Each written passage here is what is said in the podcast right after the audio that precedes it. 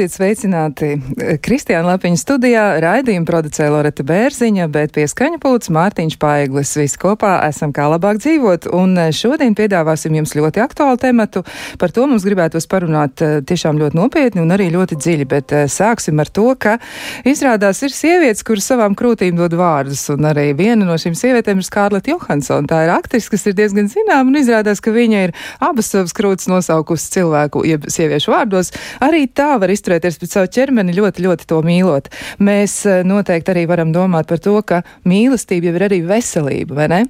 Jā. Un noteikti tam piekritīs visas studijas viešņas, kuras šodien esam aicinājušas runāt par, eh, jeb aicinājuši runāt par eh, krūts veselību, jo oktobrs ir krūts veselības mēnesis, un to atzīmē patiešām ļoti, ļoti plaši, un tas ir svarīgs temats, par ko runāt. Un mēs esam aicinājuši pie sevis ciemos šodien Ingrida Circene, kura ir MFD veselības grupas galvenā ginekoloģija. Sveicināti! Vēl esam aicinājuši arī pie mums ciemos onkoloģi, ķīmija terapeiti, eh, dr. Signa Plāta, sveicināt. Labrīt. Vēl pie mums ir arī Latvijas sieviešu volunteeru biedrības Vīta vadītāja Irina Januma. Labrīt. Kā nu bez jums? Un eh, noteikti arī vēl eh, gribējām aprunāties arī ar Nacionālā veselības dienesta vadošo ekspertu veselības aprūpas jautājumos Līgu Aigalu. Sveicināt. Labrīt. Nu, lūk, dāmas, nu tad varbūt mēs sāksim ar to, ka, nu, te ir tāds, tāda viena piezīme man atzīmēta, viens miljons ir dabūts jā, nu tad varbūt, ka Irīna Janum varētu paskaidrot, par ko tas viens miljons un par ko tas mūsu prieks. Uh, nu, tā ir tāda uzvara. 12 gadu garumā plastiskie ķirurgi cīnījās, un uh, 6 gadu pēc tam pievienojās pacientu biedrības. Uh, ir dabūts finansējums krūts veža rekonstrukciju operācijām. Mēs prasījām 860 tūkstošus, iedeva miljonu. Un te man jāsaka, milzīgi paldies pirmkārt 30 skaitā deputātu grupai, uh, onkoloģisku pacientu atbalstam, kura darbojās 13. saimas laikā. To grupu vadīja Evita Zālīte Grosa. Uh, Sociālās un darba lietu komisijas vadītājs bija, nu jau jāsaka, bija uh, ķirurgs uh, Andris uh, Skride, Arī viņam paldies. Un viņi tikai pierādīja, ka deputāti zina, kur var iegūt naudu, zina, uz kādiem akcijas nodokļiem varētu paskatīties, lai iegūtu vispār uh, lielāku finansējumu onkoloģijas attīstībai. Un šeit jāsaka, ka 22. gadā kopā onkoloģija saņēma neatliekamiem gadījumiem ķīmijterapijas preparātu uh, zālēm. Uh, 4,2 miljoni uh, eh, NVD man uh, neļauj samilot. Bet šeit, kāpēc man ir jāsaka vēl uh, labrīt visā Latvijā, visām dāmām, tieši šādā ziņā, vai jūs izlasiet savu jaunāko vietējo avīzi? Gatavojoties kampaņai, mēs nosūtījām interviju, uh, manu stāstu par visām šīm lietām detalizēt, un visas novada avīzes īpaši priecājas par Rēzekni. Es priecājos par, par Latgali, kur vietējais avīze šo interviju publicē. Lūdzu izlasiet mājās to rakstu, kā palikt dzīvai un nekādā gadījumā nedomāt, ka būtu no vēža iespēja nomirt. Tagad Latvijā nav tādas iespējas, ja mēs pašas parūpējamies par savu veselību. Jā. Un, jā, varbūt jūs varat arī vēl precizēt ja, par to, nu, tad eh, šīs te rekonstrukcijas, tātad krūts rekonstrukcija mērķa programma. Ja, tātad ļoti, ļoti skaidrs mērķis, tad eh, kas var pretendēt un kā tas notiek? Nu, tā, lai ir pilnīgi mhm, mhm, skaidrs. Uh, tā, mīļās dāmas, jums ir jāzina. Uh, šobrīd krūtis saglabā krūtsvēža operāciju gaitā 60%.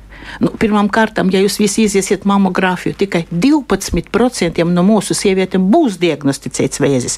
No tiem 12% 60% saglabā krūti, bet no tiem 40%, kas zaudē vienu krūti, daži varbūt zaudē abas.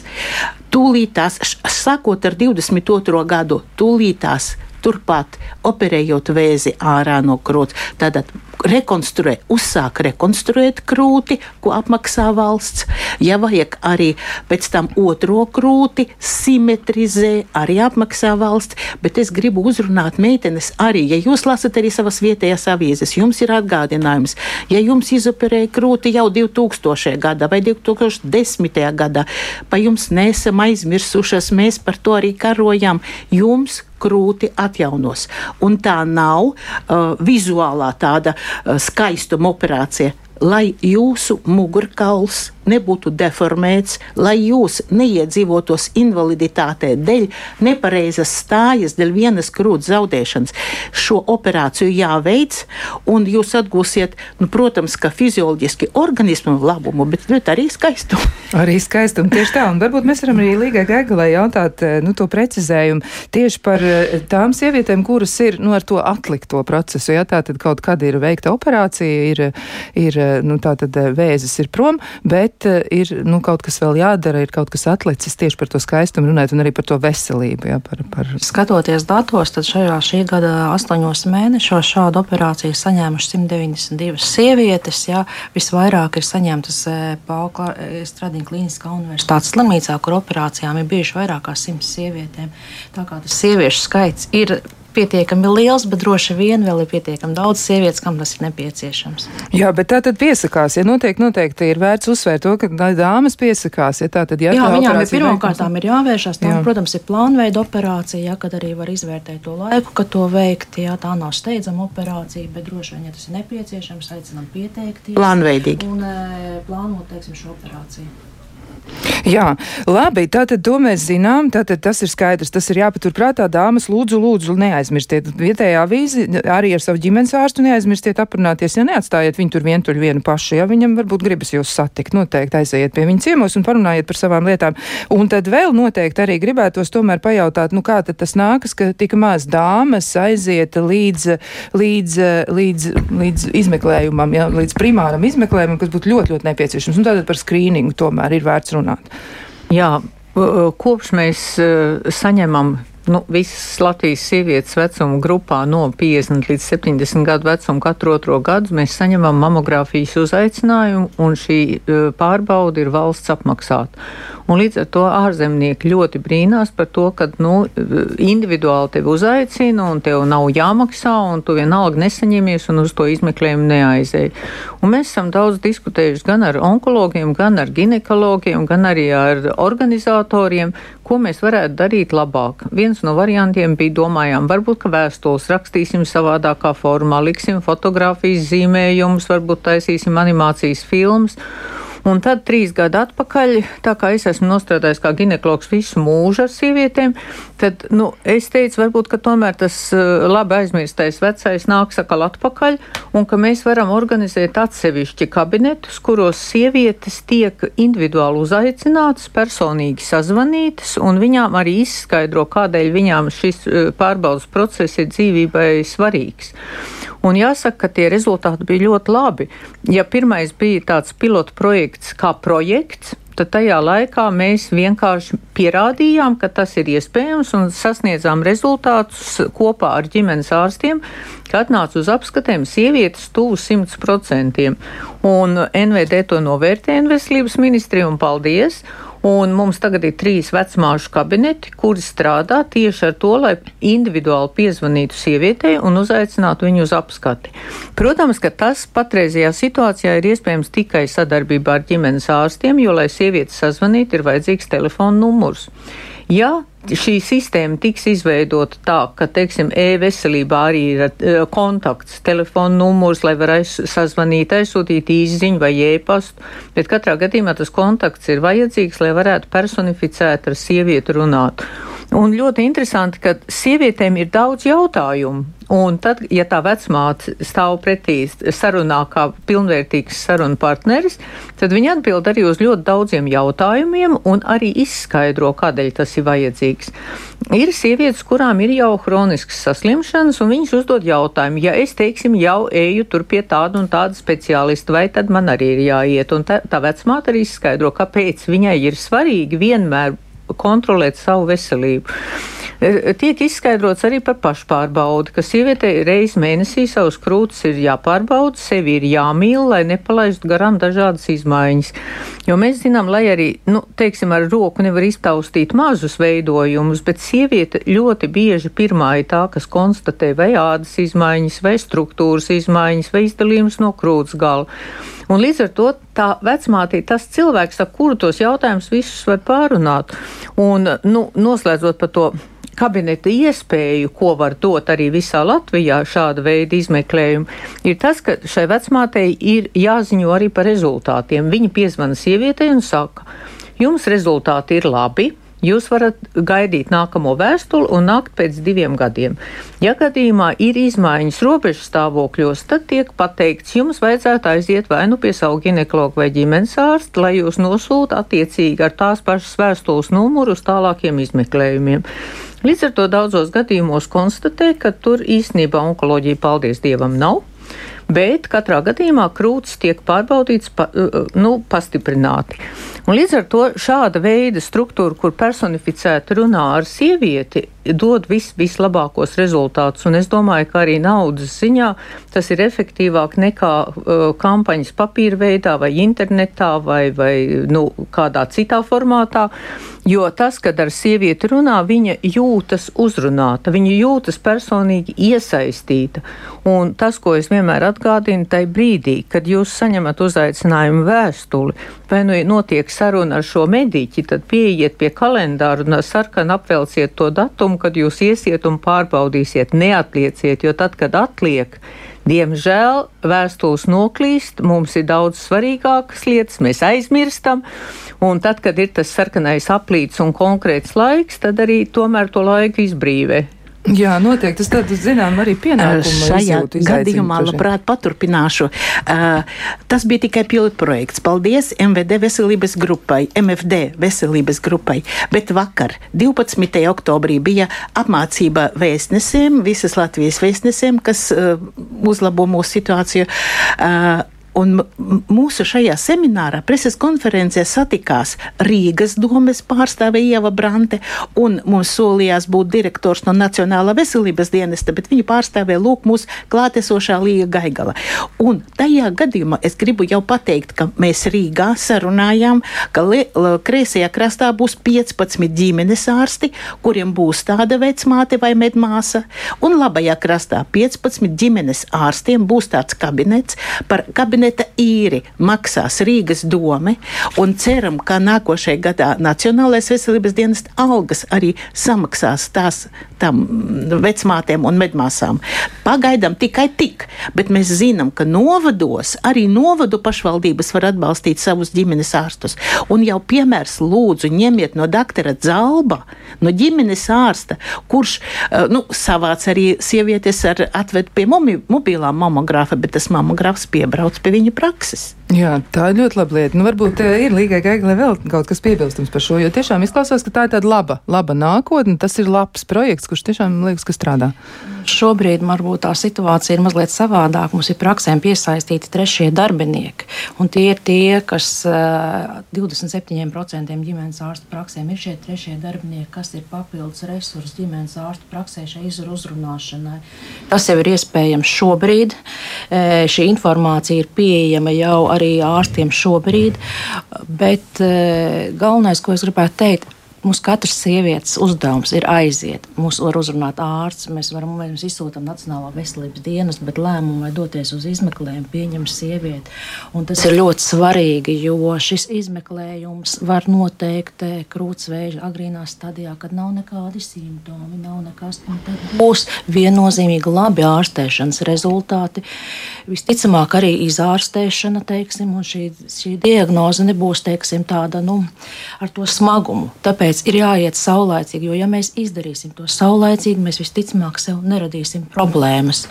Un tas, ko mēs redzam no datiem, tad 2022. Eh, gada pirmajā pusgadā ir vēršies 42% sievietes. Izsūtījuši mēs esam 48,000 vēstules. Tas nozīmē, ka 28,000 sievietes šo lēmumu veikt izmeklējumu atliek. Pagājušā gadā mums bija dažādi ierobežojumi īstenībā, un varbūt skrīningam bija ļoti nebija šie ierobežojumi. Varēja doties tāpat, ievērot šos epidemiskos drošības pasākumus. Izmeklējumu veica 30%. Tas ir katra mazākā, katra trešā sieviete, ja noteiktajā vecumā. Un uh, arī ir tas uzkrājums apmēram 90 tūkstoši sievietes, kas nav veikušas šos izmeklējumus. Ja? Un viņām nu, nevajadzētu, tāpēc, ka bija pagājušais gads, kad bija izsūtīta šī uzaicinājuma vēstule, šo lēmumu noteikti vajadzētu pieņemt un doties doties uz šo izmeklējumu, jo tā var sevi, sevi pasargāt, savus tuviniekus, savu ģimeni īstenībā. Jā. Jā. Tas būtu, nu, ir jāpieņem šis lēmums un jāiet un nav jāgaida, varbūt tās pat reizēm teikt, lai kāds uzrunā. Tas viss ir mūsu pašu rokās. Nu, tieši tā, jā. Faktiski, Rīgas var... es vien tikai teiktu, un pateikšu, es domāju, ka sievietes varbūt nesaprat, ka tā vēstule jau vēl ir derīga. Varbūt, ka mēs varam vienkārši šodien visas pieiet pie kalendāra tās, kuras nav veikušas, jo vēstule, kur ir izsūtīta un nav, nu, pēdiņā sakot, izlietot, jā, nav izmantot, viņa ir sistēmā un viņa e, aicina šo sievieti joprojām, ja tie divi gadi nav pagājuši, tā kā varbūt, ka var, e, nu, tā ļoti vienkāršot pašlaik pieiet un, un to sakārtot. Un vēl man bija tāda ļoti īsa piebilde, e, ka šī es vairāk atbalstītu, kaut arī ir krūš, e, krūtsvēžs e, nedēļa un, un aktualitātes šo, ko teica kolēģi iepriekš par trešo māsu, jo e, profilaks ir tāda plašāka un mums jau nav labāk rādītāji arī citās slimībās.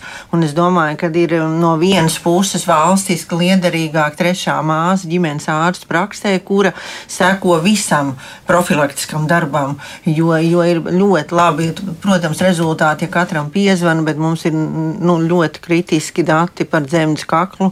E, dzemdas kaklu jaunā, jauno sieviešu ielaistība ir vienkārši briesmīga, un tas patiesībā, protams, nav šodienas raidījums, bet tas, teiksim, no tāda ārsta ķīmijterapeita viedokļa ir, ir daudz, daudz smagāk un daudz briesmīgāk. Tā kā e, mūsu sapnis būtu, ka tiešām katram ģimenes ārstam ir šī trešā e, atbalsta persona, un šīs personas pamatu uzdevums ir dažādi profilaks, arī citu terapeitisko slimību, ne tikai onkoloģiju. Jā, es, es varbūt to mazliet papildinot, jā, ja arī šī vēstulīte ir kaut kur noklīdusi, pazudus, un zinat, kad esat redzējuši, ja, tad droši varat doties uz šīm ārstniecības iestādēm, kas sniedz mamogrāfijas pakalpojumus. Tur ir šī informācija pieejama, un viņi sameklēs to vēstulītes numuru un varēs saņemt šo pakalpojumu. Jā, bet uh, papildu no doktora plāta par zemes kakla vēzi, kas tiešām ir diezgan, diezgan traģiska situācija. Vecmāšu kabinetī tie, kur veids šīs apskates, diemžēl ginekologu, uh, kabinetos var būt arī ilgas rindas vai tie ir maksas pakalpojumi, kaut arī pašu šo citoloģijas paņemšanu apmaksā valsts, bet pārējais pakalpojums var būt pa maksu. Un pierakstoties un aizjot pie vecmātes nav jāmaksā tieši nekas. Un tas, tā ir tā atšķirība starp trešo personu ģimenes ārstu ārstu praksē un vecmāšu kabinetu. Un vislabākā variantā var būt vecmāte uz lielāku skaitu ģimenes ārstiem un koordinācijas darbu veids ģimenes ārsti, bet vecmātes kabinets ir tas, kas būtiski var samazināt tieši dzemdas kakla vēža ielaistās stadijas. Jā, nu, tur ir arī noteikti ļoti daudz citu jautājumu, kas ir jārisina kopumā veselības eh, aprūpas sistēmai, jo dzemdas kakla vēzis savā ziņā tā ir arī um, zēnu atbildība, kuri tiktu vakcinēti. Jā. Tur ir ļoti daudz dažādu aspektu. Tas nav tikai par, par sievieti, vai tas nav tikai par sievieti noteiktā vecumā. Ja. Tur ir ļoti daudz lietu, kas ir jāizdara, lai mēs varētu kopumā tikt pie labāka rezultāta. Tas būs par visu sabiedrību. Nebūs tā, ka tikai sievietes ja, tagad kaut ko atrisinās, jo tikai uz sievietēm tas attiektos. Tā nav taisnība. Bet, eh, nu, jautājums arī ir par to, tie tāds tehnisks dabas jautājums ir par mamogrāfiju. Nu, ja sievietei krūtis ir ļoti, ļoti mazas, nu, taču var mamogrāfiju veikt arī tajos gadījumos. Ja, nu, tad vajag, nu, varbūt tādas ļoti vienkāršas lietas arī pateikt, jā, nu, lai būtu skaidrs. Jā, mamogrāfiju var veikt un ir jāveic. Un uh, sākot no 50 gadiem, kad samazinās dziedzeraudu apjoms krūts uh, tajā struktūrā, būtiski primāri veikt mamogrāfiju. Un tad, ja tiek atrastas kādas izmaiņas, tad ultrasonogrāfija ir papildus izmeklējums no 50 gadu vecuma, un tad konkrēti mērķēti var veikt papildus izmeklējumu. Toties jaunākām sievietēm, kam ir dziedzerauda, nu, teiksim, 30, 40 gadi, ultrasonogrāfija var būt labāka, bet ultrasonogrāfija nekad nav tik viendabīgs izmeklējums, jo viņa, teiksim, nu, tie punkti, kas tiek izmeklēti, mainās. Savukārt mamogrāfijā vairākās projekcijās mēs dabūnam pilnīgi visu krūts eh, struktūras izmaiņu. Jā, nu, tad tas atkarīgs un, ir izmērs, blīvums, ja tur jāņem vērā. Un vēl vakar semināra mūsu onkologi pastāstīja jaunus pētījumus no uh, vas, visas pasaules un īpaši no Amerikas. Uh, ir pierādīts, ka citās valstīs, kuras var to finansiāli atļauties, skrīningu uzsāk ar 40 gadiem. Es no savas puses visiem nenogurstu atgādināt, ar 35 gadiem paņemam norīkojumu no ģimenes ārsta un pat 4, 70 vai 4, 50 aizējam un iztaisam. Nu, līdz 40 gadiem ultrasonogrāfiju, no 40 gadiem aizjām uztaisam mamogrāfiju. Rindu nav. Rindu nav. Tieši tā, es pat varu apliecināt. Rindu nav. Droši dāmas eh, pilnīgi bez problēmām. Ja? Tā tad varat dabūt pēc tam smukas bildes un pierakstīts klāt ir, ka viss ir kārtībā. Ja? Te pat labākā ziņa, ko saņemt. Jauka dāvana, ja, ko sev pasniegt.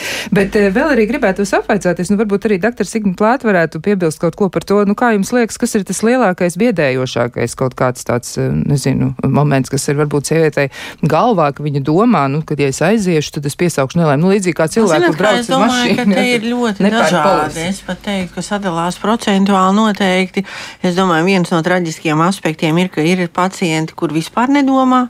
Nu, kas tā arī saka, nu, ka viņi vienkārši nedomā. Viņi strādā un dzīvo nost, un, un, un ja viņam, e, nu, viņam pat nav ienācis prātā, ka tas tā varētu būt. Un arī ir pacienti, kas saka, nu, tā, ka es saslimu, tad es arī ārstējos.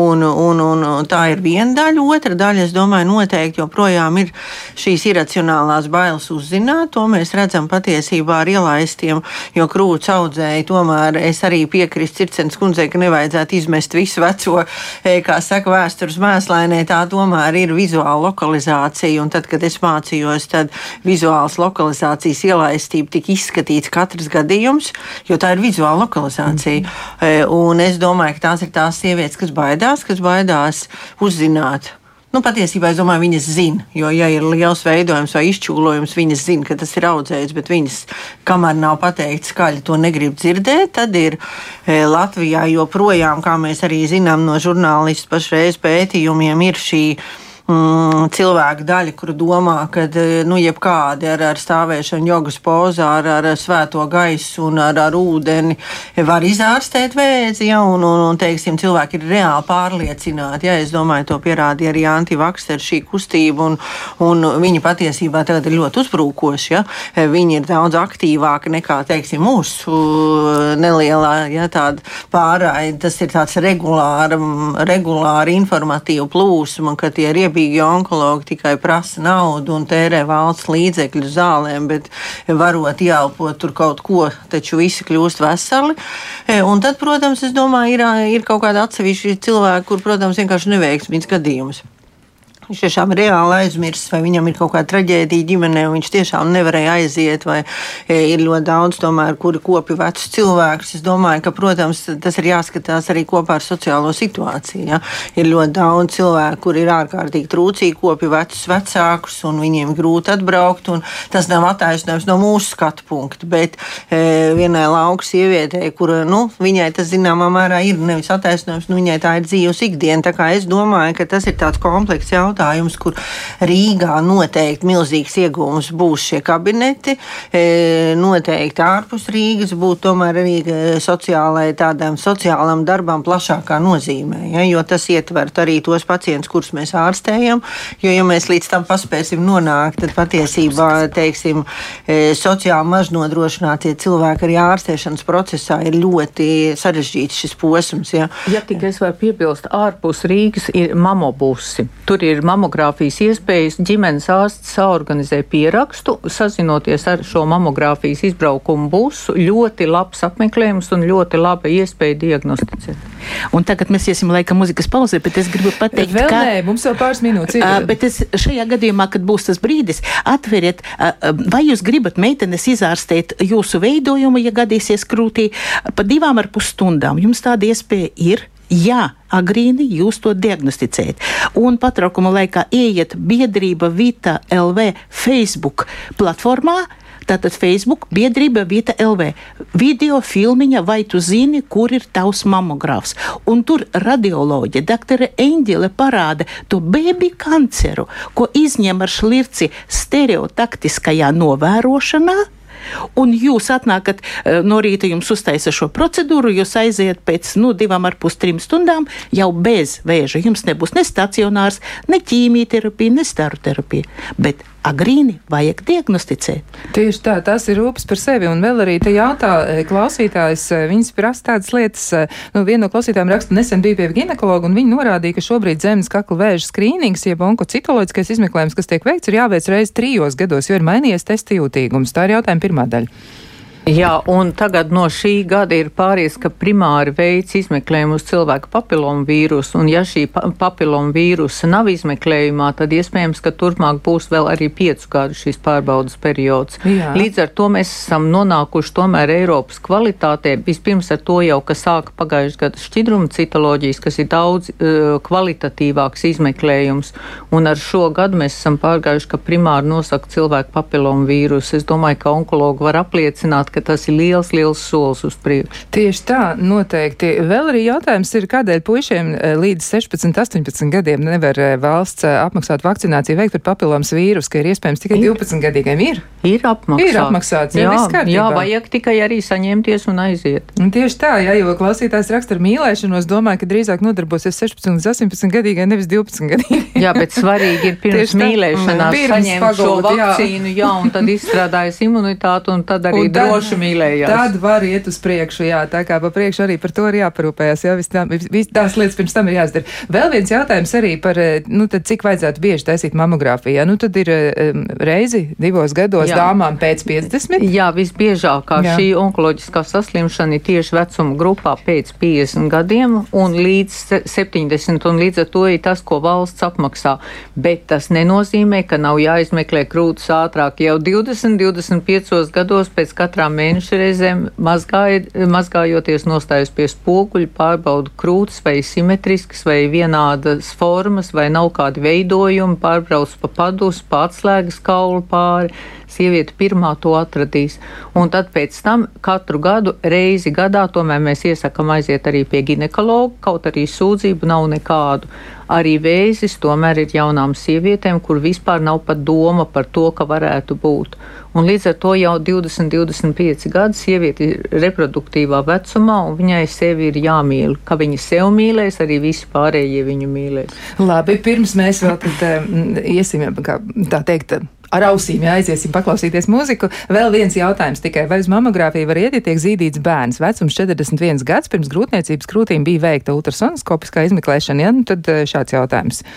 Nu, kamēr zīd bērnu nevajag. Ja, ja, nu, ja ir indikācijas, tad iet pie protams, ārsta, jā. tad skatās, kas ir pa veidojumu, vai ir kaut kas tiešām nu, tāds, kas ir jāpārbauda, bet normāli eh, zīdīšanas laikā neveic šādas izmeklējumus. Lūk, nu tā tad arī tas ir jāatceras. Labi, tad bērniņš eh, vienkārši ēd pienu, jeb zīži, ja, un mamma tikmēr nedaudz atpūšas, un, ja nu gadījumā, kas tad tiešām aiziet ar, ar, ar ārstu aprunājās vispirms. Labi, nu tagad gan mums nedaudz jāatpūšas, ja, un tad jau mēs varēsim sarunu arī turpināt.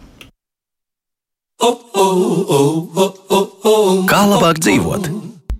Turpinām sarunu par to, kā rūpēties par savu veselību. Un uh, var teikt tā, ka šis temats attiec uz visu sabiedrību kopumā. Tā tikai izklausās, ja ka krūtis ir eh, sievietēm, tajā nozīmē, ka ar krūtīm kaut kas var notikt. Tā nav taisnība. Krūtis var uh, arī mm, likt par sevi manīt vīriešiem un nav nemaz uh, nu, tālu jāmeklē, gan jau, ka ir pietiekami daudz arī klīniskajā praksē gadījumu, kur nāks runāt arī par vīriešiem. Bet mēs šodien vairāk par dāmām tiešām orientējamies arī uz to un atgādināšu arī, ka runājam ne tikai tikai par eh, to, kā konstatēt, bet arī noteikti runāsim par to, Kā ārstēt, kā pamanīt, ja, un, un eh, kā, kādi ir arī jauninājumi ārstniecībā. Vēl arī ir citi jaunumi, kā izrādās, un par tiem mēs gribētu apjautāties arī kādam cilvēkam, kurš par to zina vairāk, un proti Kompensa Life Latvijas filiāls vadītājs un valdes loceklis Viktors Gustsons mums varētu pastāstīt par jauninājumiem, nu, kas tad ir saistībā ar tā saucamo vēža apdrošināšanu. Ko mums vajadzētu ar to saprast? Jā, labrīt. Es gribētu vēl atgādināt visai iepriekš izskanējušai informācijai, ka e, ļaundabīgas audzējas ir slimība, un tā ir ārstējama, un tā ir jau, kā saka, e, nu, pierādīta e, lieta, ka to var izārstēt pilnīgi. Un tai sakarā ir arī radīts produkts apdrošinātājiem, kuru gan mēs esam nosaukuši angļu valodā. Viņa nosaukums ir atvasināts no onkoloģiju tikt vaļā no onkoloģijas, onkodrop viņš angliski saucās, un e, tā ir, e, būtība ir tāda, ka e, saslimšanas gadījumā cilvēks saņem finansiālu palīdzību. Un e, kāpēc tā ir vajadzīga? Tāpēc, ka onkoloģisko slimību ārstēšana ir diezgan e, ilga un arī viņa ir diezgan dārga. Un ar nodokļu mehānismiem, e, ko valsts var atļauties, jā, šos visus slimības gadījumus un visu šo slimības nu, ainu nevar, nevar, nevar apmaksāt un nevar, nevar nosekt.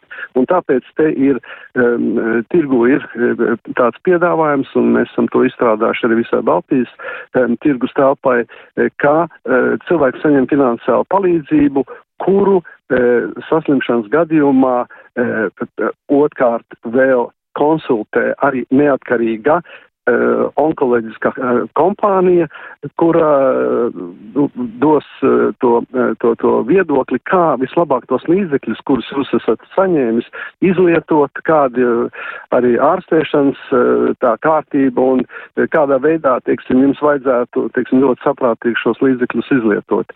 Un tā, um, tā produkta būtība ir ir finansiāla aizsardzība saslimšanas gadījumam ar, nu, tautā, saksim, ar vēzi. Bet eh, vai jūs varētu paskaidrot eh, mazliet sīkāk, bet tā ļoti īsi un fokusēti? Varbūt jūs varat pateikt, kas tieši tas varētu būt, nu minēt kādu piemēru, ja, jo eh, onkoloģiskais pacients, viņš iet caur zaļo koridoru, viņš saņem arī valsts apmaksātus medikamentus, ja, ķirurģiskās manipulācijas operācijas, tas ir tas, ko sēdz valsts, ko sēdzam mēs visi rūpējoties par mūsu nākotni kopējo. Tad kas tieši ir tas, ko tad apdrošinātājs ir gatavs maksāt? Ko tieši, nezinu, darba spēju zaudējumu kompensēt varbūt kaut kādā veidā? Kas tieši tas būs? Vai ķīmijterapijas zāles.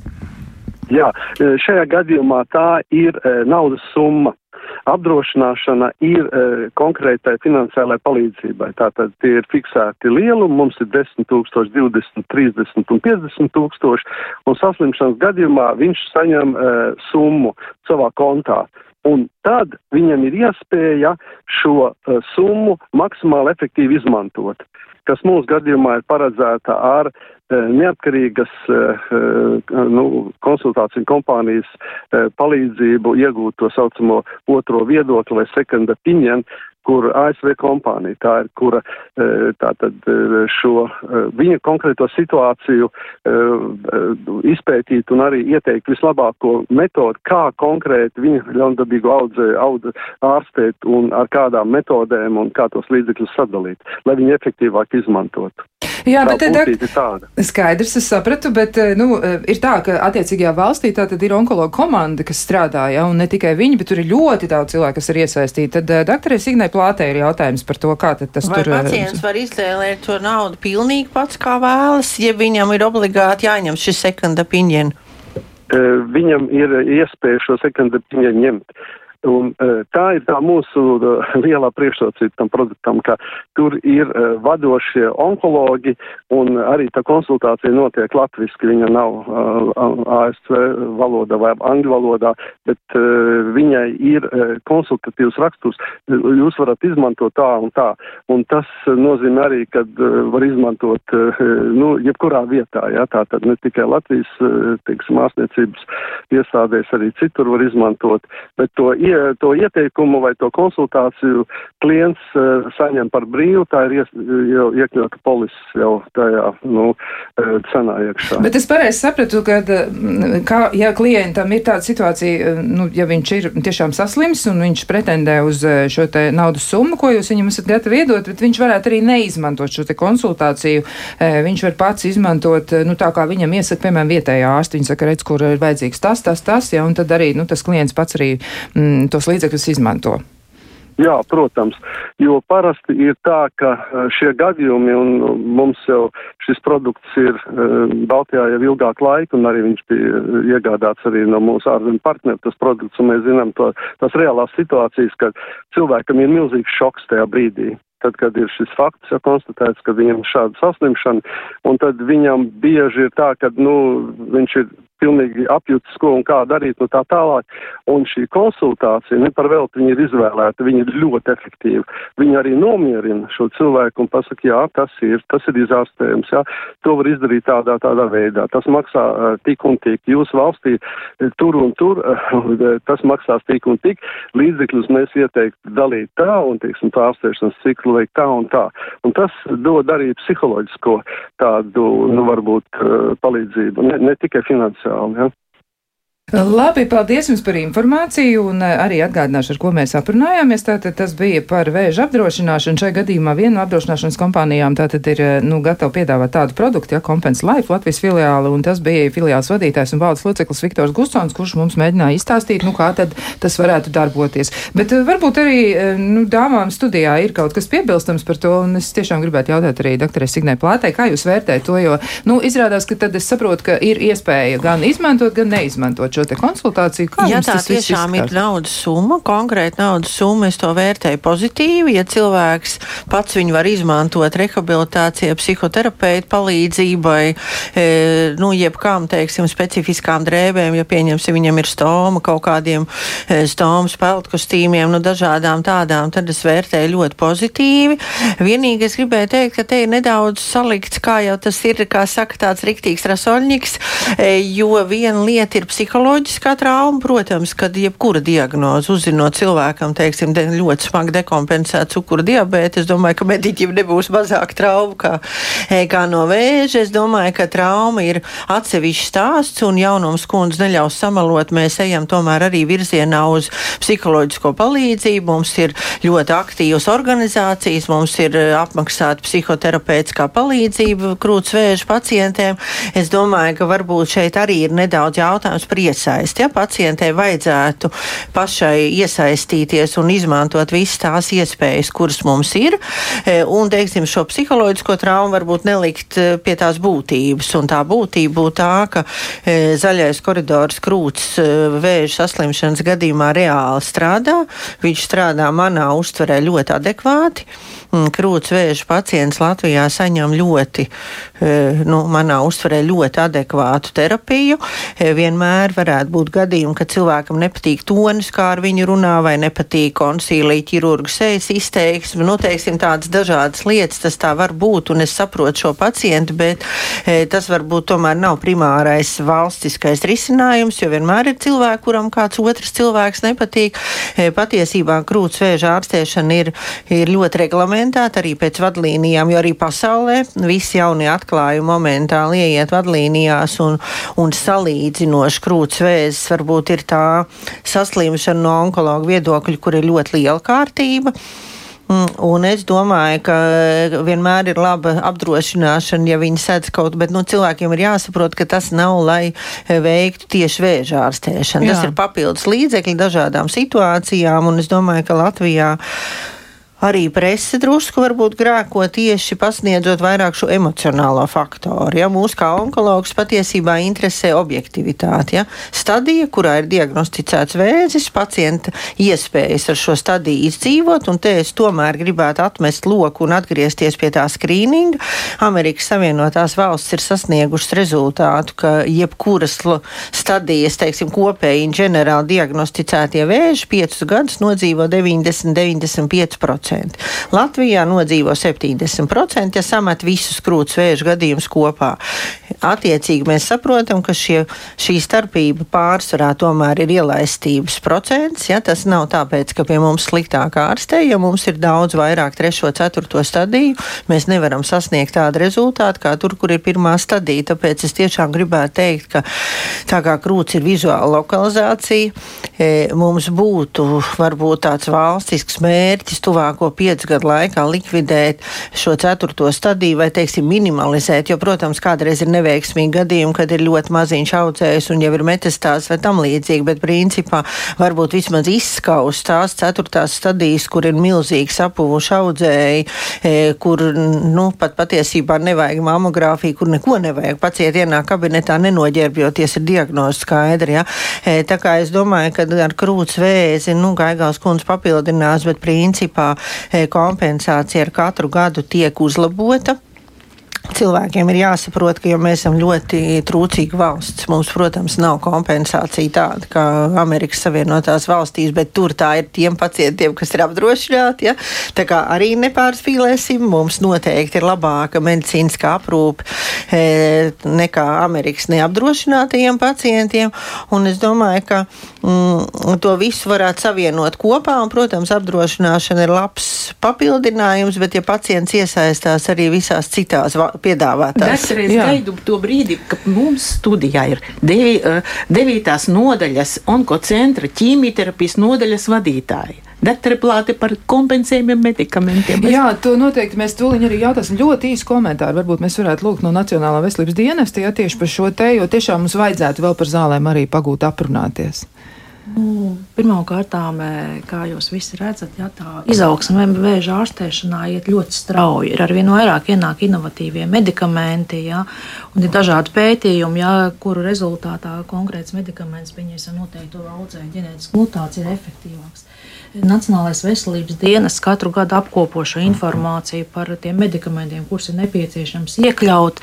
Pakāpeniski viņi tiek iekļauti, un krūtis vējs īstenībā ir viens no tiem vēžiem, kur varbūt šī situācija pat ir diezgan laba. Jā, nu tā tad eh, tās ir arī labas ziņas, un tiešām liec iet uz priekšu, bet nu gan par zālēm, jā, un arī ir konkrēts jautājums ķīmijterapeitē, doktor Plāt, tiešām pie mums ir absolūti lielisks gadījums, jā, tad mēs to izmantosim. Krūtis vēža ārstēšanai tiek lietots uh, tamoksifēna orion, jā, tādas zāles, nu tā tad jūs pazīstat jau pēc vārdu Jā. un uzvārdu. Kaut arī sen pierādīts, ka šī preprāta iedarbība tiek sasniegta ar daudz mazākām devām. Latvijā vadlīnijās vēl joprojām paredz eh, lielāko devu. Un jautājums, kāpēc? Un kā vispār ir ar to? Es nu, varbūt... domāju, ka tur cilvēks ar kaut ko ir pārpratis. Dēvai 20 mg, kas ir diezgan standarta. Amoksifēns tiešām ir nu, tāds kārtīgs dinozaurs, kas ir izgājis visiem gadiem cauri un pierādījis savu efektivitāti, bet atbilstoši tur ir nu, specifisks, teiksim, blaknes, un tāpēc viņš tiek koriģēts un, un mainīts ar aromatāžu inhibītoru autoriem. Es domāju, ka mm, Latvijā patiesībā kompensējumu medikamentu klāsts ir salīdzinoši krūts audzējumu ļoti adekvāts. Varbūt ir dažas detaļas, kas apgrūtina mūsu darbu, ka mums ir ļoti strikti noteikts, kurā līnijā un kuros gadījumos. E, teiksim, īpaši veciem, teiksim, hormonterapeitiskiem līdzekļiem e, mēs atkārtot no asociācijas rakstam, ka varbūt būtu jānoņem, teiksim, ka anastrozolu var tikai tamoksifēna nepanesības gadījumā, letrazola anastrozolu tikai pēc anastrozolu, e, jo ir tāds atsevišķi, jo, teiksim, krūts vēža ārstēšana, e, ja tā mēs vienkāršojam, ir vai nu pacienti, kuri laicīgi izoperēti, saņem savu terapiju un ir veseli, nu tā pēdiņās iegrupējuma veselajā kategorijā, vai pacienti ar metastātisku procesu, kurā ārstēšanas gaitā ir situācijas, kad kaut kas nedarbojas un ir jāmaina uz kaut ko citu. Un tad varētu teikt, ka parasti ir problēmas ar šo maiņu. Eh, jebkurai lokalizācijai, ne tikai krūts vēzim. Un eh, es gribētu pateikt vēl tādu lietu, ko mēs nepacēlām. Tas ir saistīts ar medikamentiem. Lai medikamentu saņemtu kvalitatīvu, lai kāds ar pacientu runātu, ir jābūt šim kādam. Eh, Latvijā paralēli, es domāju, paš, pat ne paralēli, bet varbūt pašlaik pati lielākā problēma ir nodrošinājums ar personālu. Ja mēs neliekuļojam, tad principā ir daudz par maz šo vietu, kur varētu e, nodrošināt ķīmijterapeita konsultāciju un adekvātu saņemšanu. E, un tas iet sazobē ar medikamentiem, jo, jo ir jaunāki, inovatīvāki medikamenti, ir jābūt labi apmācītam personālam. Personāls pēdējo gadu laikā nepalielinās, medikamentu skaits palielinās, pacientu skaits palielinās geometriskā progresijā, jo pacienti tiešām dzīvo ilgāk. E, tā ir tāda viena no problēmām, bet principā mēs, es domāju, ka Engels kundze piekritīs asociācija ir, ir ir diezgan konstruktīva, un, un, un mēs e, strādājam no, ar Nacionālo veselības dienestu, un varbūt, ka mainot nedaudz atsevišķus izrakstīšanas noteikumus, līnijas, e, jo jauno medikamentu iekļaušana, protams, tās ir ļoti liels izmaksas. Jā, un tur ir jāsaprot, ka. Un te vēl mm. nevar nepajautāt, ja mēs zāles uh, izvērtējam pēc viņu dārguma vai 35 tūkstoši vienai pacientiem, un ir medikamenti, kas maksā 1300 vienai. Jā, tā neizvērtē zāles, izvērtē atkarībā jā, vai viņu ieguvums. E, lai, lai, lai to ieguvumu novērtēt, tagad veids. Uh, testus, uh, ģenētiskos testus, kuri novērtē, kurām zālēm tai konkrētai sievietei jāpiešķir ne, kuras protams, zāles. Bet Būt pat, vai jau to ieskaita, ir vesels tabulas, kā rēķina. Mūsu laboratorija patoloģijas centrs jau veic tādus jā, ģenētiskos jā, testus. Jā, Latvijas uh, valstī, mūsu Rīgas Austrum Klīniskā universitātes slimnicā, uh, tehniski tas atrodas infektoloģijas centrā, mums ir laboratorija, kurā mums veic jaunās paudzes sekvenēšanu mēs saņemam atbildes, mums reāli ir šīs atbildes, pacientiem ir izkopēts šīs atbildes. E, tas ir, nu, varētu teikt, sākuma posms, un reizēm varbūt ir ilgāk jāpagaida šī atbilde, bet principā process notiek, un ar vien labāk ir ļoti aktīvi kolēģi, kas mēs sazvanamies, ja nevaram sagaidīt. Zāles var piešķirt precīzi katrai sievietei. E, pašlaik to, ko piešķir tiem apakštipiem, krūtsvēzim, ir e, oficiāli pierādītie, nu, ja tā varētu teikt, reglamentētie pieci apakštipi, tagad jau nevis četri.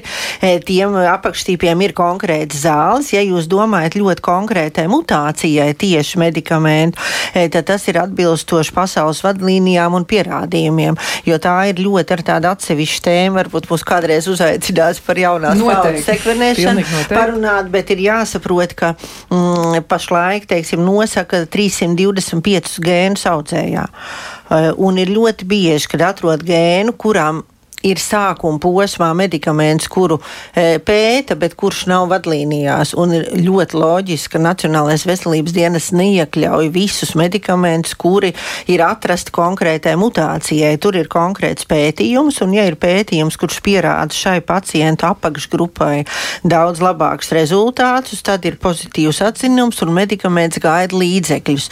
E, es gribu teikt, ka, protams, kad e, Vēzis ir hroniska slimība, bet nevis lai kādu apbēdinātu, bet atkal, atkal, lai atgrieztos pie skrīninga, es gribētu teikt, ka visā pasaulē ceturtās stadijas audzēja pacients kādreiz tomēr aiziet bojā pilnīgi visus 100% pacientus mēs nevaram izārstēt. Un arī ģenētiskā atbilde uzrāda audzējā gēnus, bet kādreiz ir zem diferencēts audzējs, kurš var augt arī pat, ja jūs bloķējat šo konkrēto gēnu. Es nekādā ziņā negribu teiksim, vienkāršot un samazināt šo gēnu sekvenēšanas nozīmi, bet tā nav arī pilnīgi panacēja. Ja? Tad jā, es nevaru tas... nepajautāt ar metastāzēm mūsu biedrībā ir Silvijas Kulna, kura dzīvo astoņus gadus. Protams. Un ārstē metastāzes ar jūsu izvēlētiem medikamentiem. Bet, protams, mums ir pacients, kas dzīvo 18 gadus un ārstē eh, metastāzes. Bet eh, ir kādreiz arī kāds negatīvs gadījums. To es vairāk pieminēju, tāpēc, lai nav varbūt tiem dažiem pacientiem, kuriem iet grūti un slikti, viņi noklausās par rādio, ka pilnīgi visus izārstē un viņš domā, bet kas tad notiek ar mani, kāpēc eh, mani neizārstē. Ja?